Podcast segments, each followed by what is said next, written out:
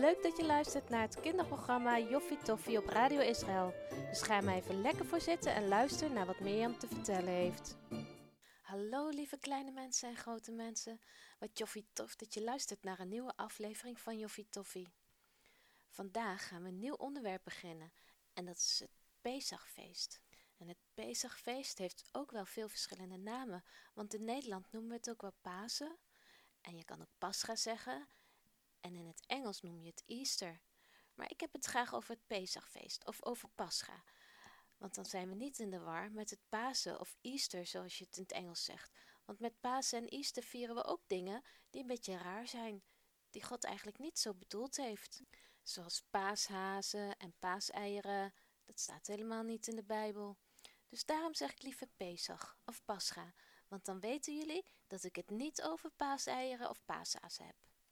Tijdens het Pesachfeest vierden de Israëlieten dat ze uit Egypte zijn vertrokken en dat ze naar het beloofde land zijn gegaan. En wij mogen tegenwoordig ook vieren dat Jezus is opgestaan uit de dood, uit het graf. Want dat gebeurde precies tijdens het Pesachfeest. En daar kan ik nog een heleboel over vertellen, maar ik ga nu eerst even een stukje uit de Bijbel lezen. In Deuteronomium 16, vers 6 staat: Maar op de plaats die de Heere uw God zal aanwijzen, uitkiezen om zijn naam daar te laten wonen, daar moet u het paaslam slachten. In de avond, als de zon ondergaat, op het tijdstip dat u uit Egypte vertrok. De God vindt het belangrijk dat wij de belangrijke dingen die gebeurd zijn ook blijven herinneren en dat blijven vieren.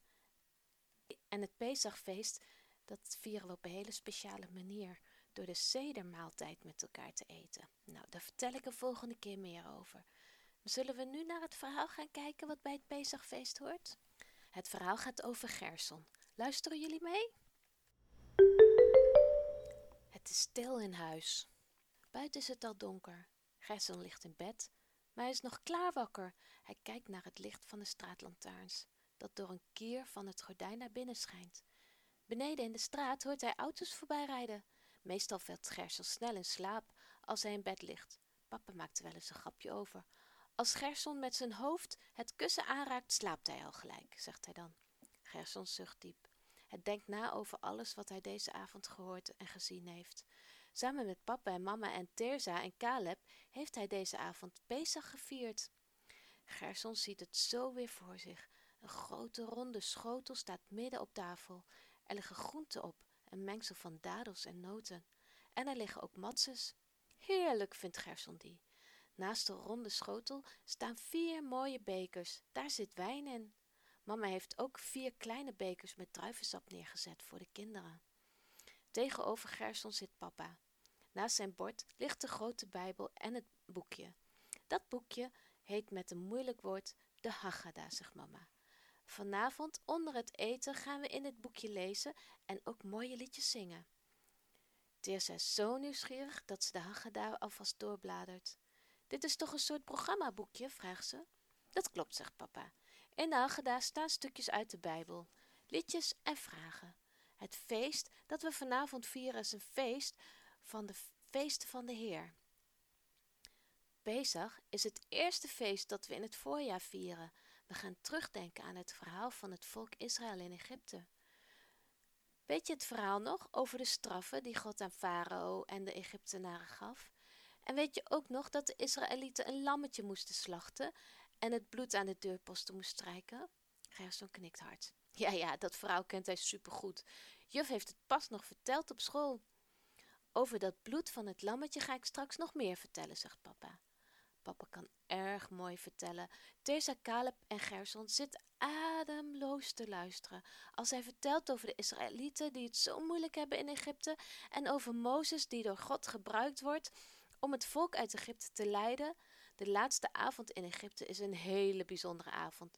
Voor het eerst vieren de mensen Pesach.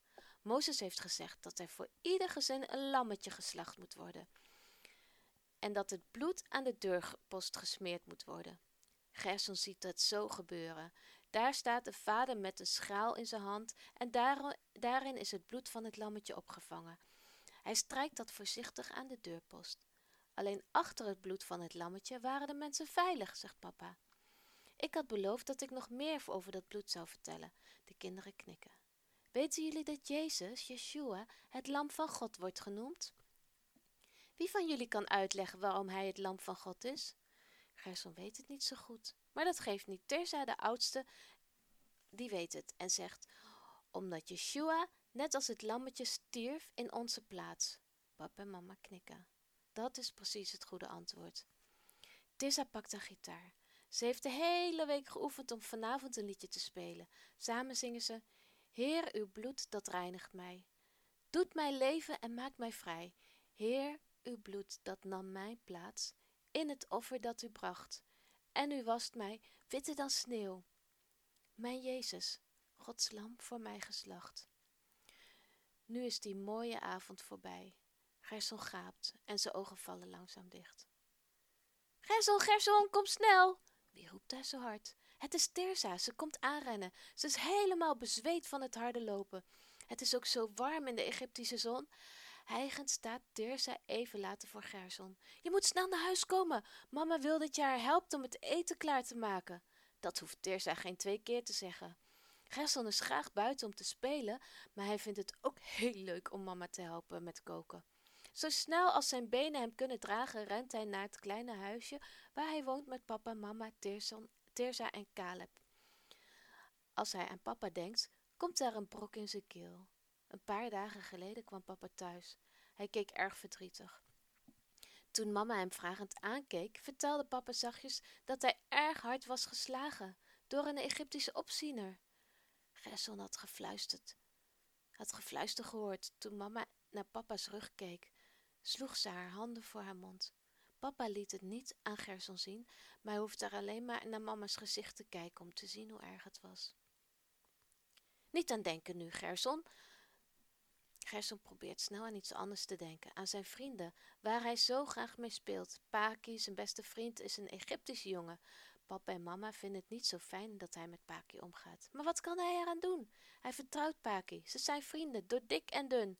Ze hebben geen geheimen voor elkaar. Soms spelen ze met Amon. Hij is iets ouder dan Paki. En Gesson, hij, hij weet al heel veel. Ze lopen wel eens door het kamp en zien de mannen aan het werk in de steenfabriek. Amon kan al precies vertellen hoe zo'n steen gemaakt wordt. Gerson duwt de deur open. Daar is mama, druk in de weer met het eten. Kijk, daar hebben we Gerson, zegt ze met een lach. Gerson ziet wel dat het een lach is die alleen om haar mond zit. Haar ogen lachen niet mee. Wil je mij voor mij het deeg kneden? vraagt mama. Precies een klusje voor mij, lacht Gerson. Ik zal mijn spierballen eens even goed gebruiken. Mama geeft hem een ui over zijn bol. Het is erg laat als Gersons papa thuiskomt. Hij ziet er moe en bezweet uit. Hoe was het vandaag? vraagt mama. Papa zucht. Het is elke dag zo zwaar. We moeten zelfs stro zoeken om de stenen te maken en we werken wat we kunnen, maar het is nooit genoeg. Als de mannen niet genoeg stenen maken, krijgen de voormannen een pak slaag. We doen echt ons best om genoeg stenen te maken, maar de slavendrijvers hebben geen medelijden. De mannen raken de moed kwijt. Ze beginnen nu ook te mopperen tegen Mozes. Gerson ziet wel dat papa haast niet meer op zijn benen kan staan. Als papa is gaan zitten, brengt hij vlug een bord met eten. Dat ze nog hebben bewaard. Als papa zijn eten op heeft, knielen ze allemaal neer. En papa smeekt God of hij wil helpen. Red ons, bevrijd ons door de hand van Mozes, uw knecht. We geloven dat wat Mozes zegt waar is. We geloven dat, het dat uw woorden waar zijn. O, red ons, Heer, doe het snel. Dat is een beetje raar, hè? Eerst is Gerson de zedenmaaltijd aan het vieren om de uittocht uit Egypte te herdenken. En dan ineens is hij in Egypte. Was net in slaap gevallen. Zou je misschien een droom zijn? Luister je volgende week meer?